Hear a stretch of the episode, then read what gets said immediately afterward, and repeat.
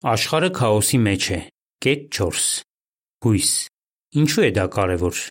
Աշխարհում տիրող իրավիճակի պատճառով առաջացած անհանգստությունը կարող է ազդել մարդկանց ֆիզիկական եւ էմոցիոնալ առողջության վրա։ Դրա հետևանքով շատերն անհույս իրավիճակում են հայտնվում։ Իսկ դա ինչպես է դրսևորվում։ Ոմանք անգամ չեն էլ ուզում մտածել ապագայի մասին։ Ուրիշներն էլ փորձում են ալկոհոլի եւ թմրադեղերի միջոցով մոռացության տալ իրենց անհանգստությունները։ Մյուսներն էլ կարծում են, որ ավելի լավ է մահանալ, քան ապրել։ Նրանք ասում են. Ինչ իմաստ ունի ապրելը։ Կարևոր է իմանալ։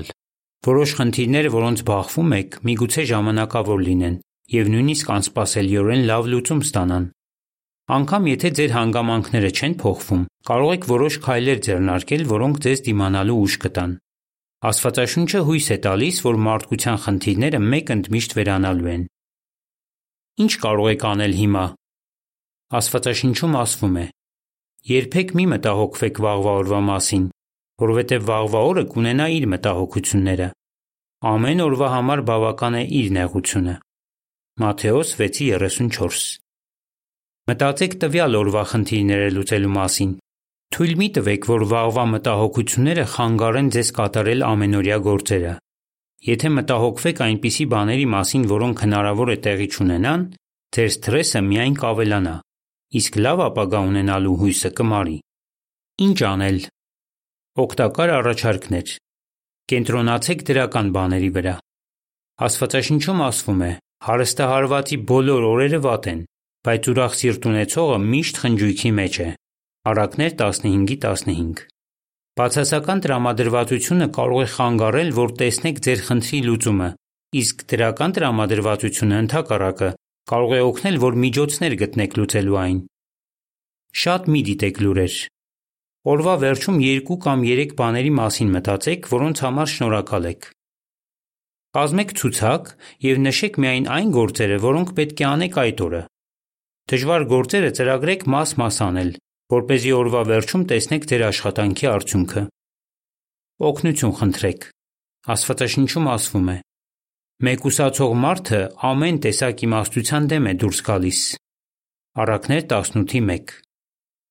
Խոր փոսից չեք կարող ինքնուրույն դուրս գալ։ Ինչ որ մեկը պետք է ձեռք մեկնի։ Օգնության համար դիմեք ձեր ընտանիքի անդամներին եւ ընկերներին։ Նաև մտածեք, թե դուք ինչ կարող եք անել նրանց օգնելու համար։ Այդ դեպքում ձեր խնդիրներին ճիշտ տեսանկյունից կնայեք։ Եթե հուսալքվել եք եւ այլևս չեք ուզում ապրել, գուցե հարկավոր է դիմել բժշկի օգնությանը։ Երբեմն ընկճվածությունը կարող է այնպիսի հիվանդության ախտանիշ լինել, ինչպիսին դեպրեսիան է, որից շատ մարդիկ բուժում ստանալու շնորհիվ ապաքինվել են։ Ծանոթագրություն։ Արթնացեքը բուժման որևէ ձև չի խրախուսում ծանոթագրության ավարտ։ Աստվածաշունչը իրական հույս է տալիս։ Հնում ապրած մի Սաղմոսերգու իր աղոթքում ասաց. Քո խոսքը ճրակ է իմ ոտքերի համար եւ լույս իմ ճանապարհի համար։ Սաղմոս 119-ի 105։ Տեսնենք, թե այս համեմատությունն ինչու է տեղին։ Մթության մեջ ճրակի օգնությամբ կողմնորոշվում ենք, թե որ ուղությամբ քայլենք։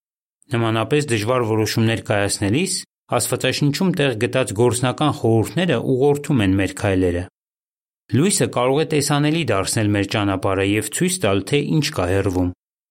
Նույն ձևով էլ Աստվածաշունչը մեզ կարող է օգնել, որ տեսնենք, թե ինչպիսին կլինի ապագան։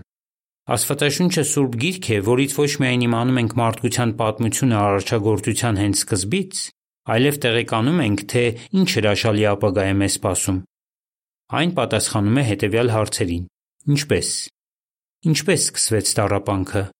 Աստվածաշնչում ասվում է, որ մեկ մարդու միջոցով մեղքը մտավ աշխարհ եւ մեղքով էլ մահը, եւ այդպիսով մահը տարածվեց բոլոր մարդկանց վրա, որովհետեւ բոլորն էլ մեղք գործեցին։ Հռոմեացիներ 5:12։ Ինչու։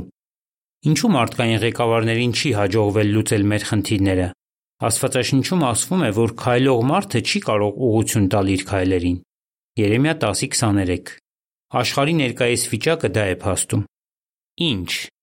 Ինչ է Աստված անելու իրավիճակը շտկելու համար։ Աստվածաշունչը հայտնում է, որ նա կսրբի ամեն արտասուք նրանց աչքերից եւ մահ այլևս չի լինի, ոչ սուգ, ոչ աղաղակ, ոչ ցավ այլևս չեն լինի։ Հայտնություն 21:4 Իմացեք ավելին։ Դիտեք ինչու արժե ուսումնասիրել Աստվածաշունչը տեսանյութը, որը կարող եք գտնել jw.org կայքում։ Հոդվացի ավարտ